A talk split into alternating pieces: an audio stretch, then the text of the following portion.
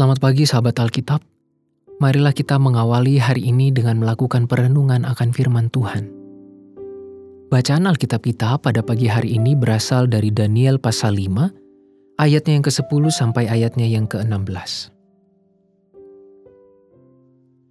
Karena perkataan raja dan para pembesarnya itu, masuklah permaisuri ke dalam ruang perjamuan.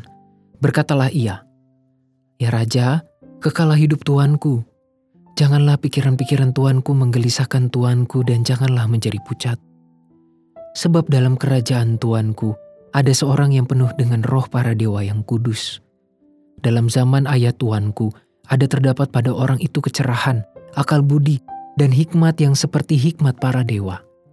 Ia telah diangkat oleh Raja Nebukadnezar, ayat Tuanku, menjadi kepala orang-orang berilmu, para ahli jampi, para kasdim dan para ahli nujum karena pada orang itu terdapat roh yang luar biasa dan pengetahuan dan akal budi, sehingga dapat menerangkan mimpi, menyingkapkan hal-hal yang tersembunyi, dan menguraikan kekusutan, yakni pada Daniel yang dinamai Belsasar oleh raja. Baiklah sekarang Daniel dipanggil dan ia akan memberitahukan maknanya. Lalu dibawalah Daniel menghadap raja. Bertanyalah raja kepada Daniel, Engkaukah Daniel itu salah seorang buangan yang telah diangkut oleh raja ayahku dari tanah Yehuda. Setelah ku dengar tentang engkau, bahwa engkau penuh dengan roh para dewa, dan bahwa padamu terdapat kecerahan, akal budi, dan hikmat yang luar biasa. Kepadaku telah dibawa orang-orang bijaksana, para ahli jampi, supaya mereka membaca tulisan ini dan memberitahukan maknanya kepadaku. Tetapi mereka tidak sanggup mengatakan makna perkataan itu. Tetapi telah kudengar tentang engkau, bahwa engkau dapat memberikan makna dan dapat menguraikan kekusutan.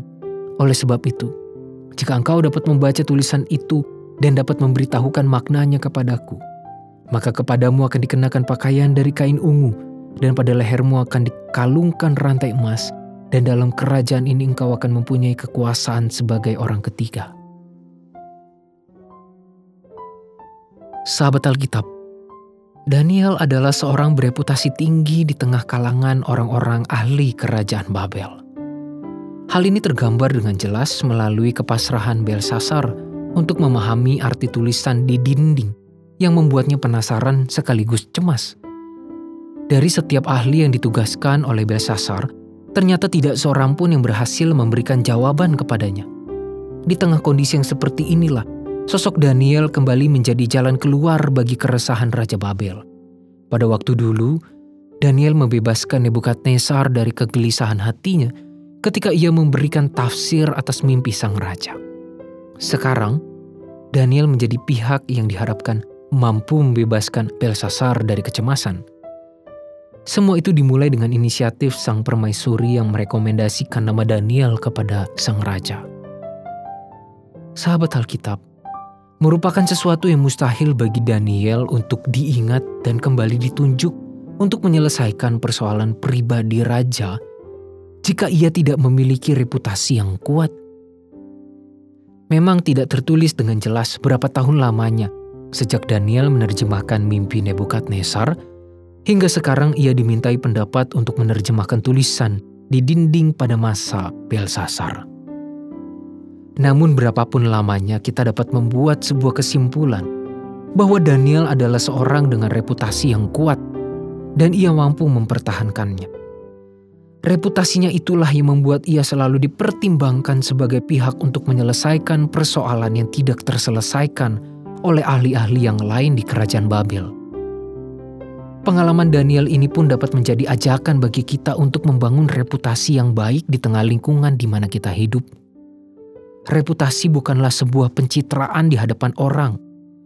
Reputasi bukan sesuatu yang bisa kita ciptakan dengan sengaja tanpa adanya ketulusan dan kompetensi dengan konsisten. Reputasi adalah hasil, gambaran, dan penilaian orang tentang kualitas diri kita. Reputasi yang baik tidak hanya berguna pada diri kita secara personal. Idealnya reputasi yang baik tidaklah ditunjuk untuk memenuhi kehausan ego seseorang, melainkan dapat menjadi cara bagi seseorang beriman untuk memuliakan nama Allah.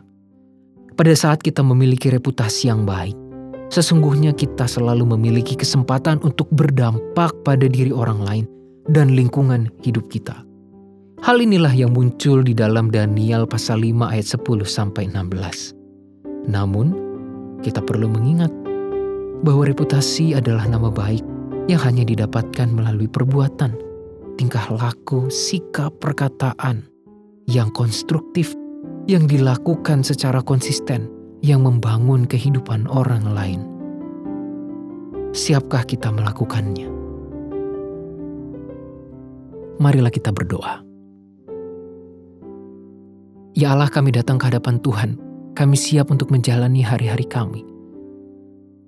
Dengan penyertaan dari Tuhan, kami yakin dan percaya bahwa kami mampu melakukan semua hal baik kami mampu menjadi terang dan garam, sehingga biarlah orang boleh melihat dan merasakan dampak kehadiran kami. Sehingga ketika reputasi kami juga dinilai baik oleh orang lain, biarlah itu juga menjadi cara kami untuk memuliakan nama Tuhan. Biarlah di mana kami hidup, di mana kami bekerja, di mana kami beraktivitas, di mana kami berkata-kata dan bertindak, nama Tuhan boleh dipermuliakan. Hanya di dalam nama Tuhan kami Yesus Kristus, kami berdoa dan memohon. Amin.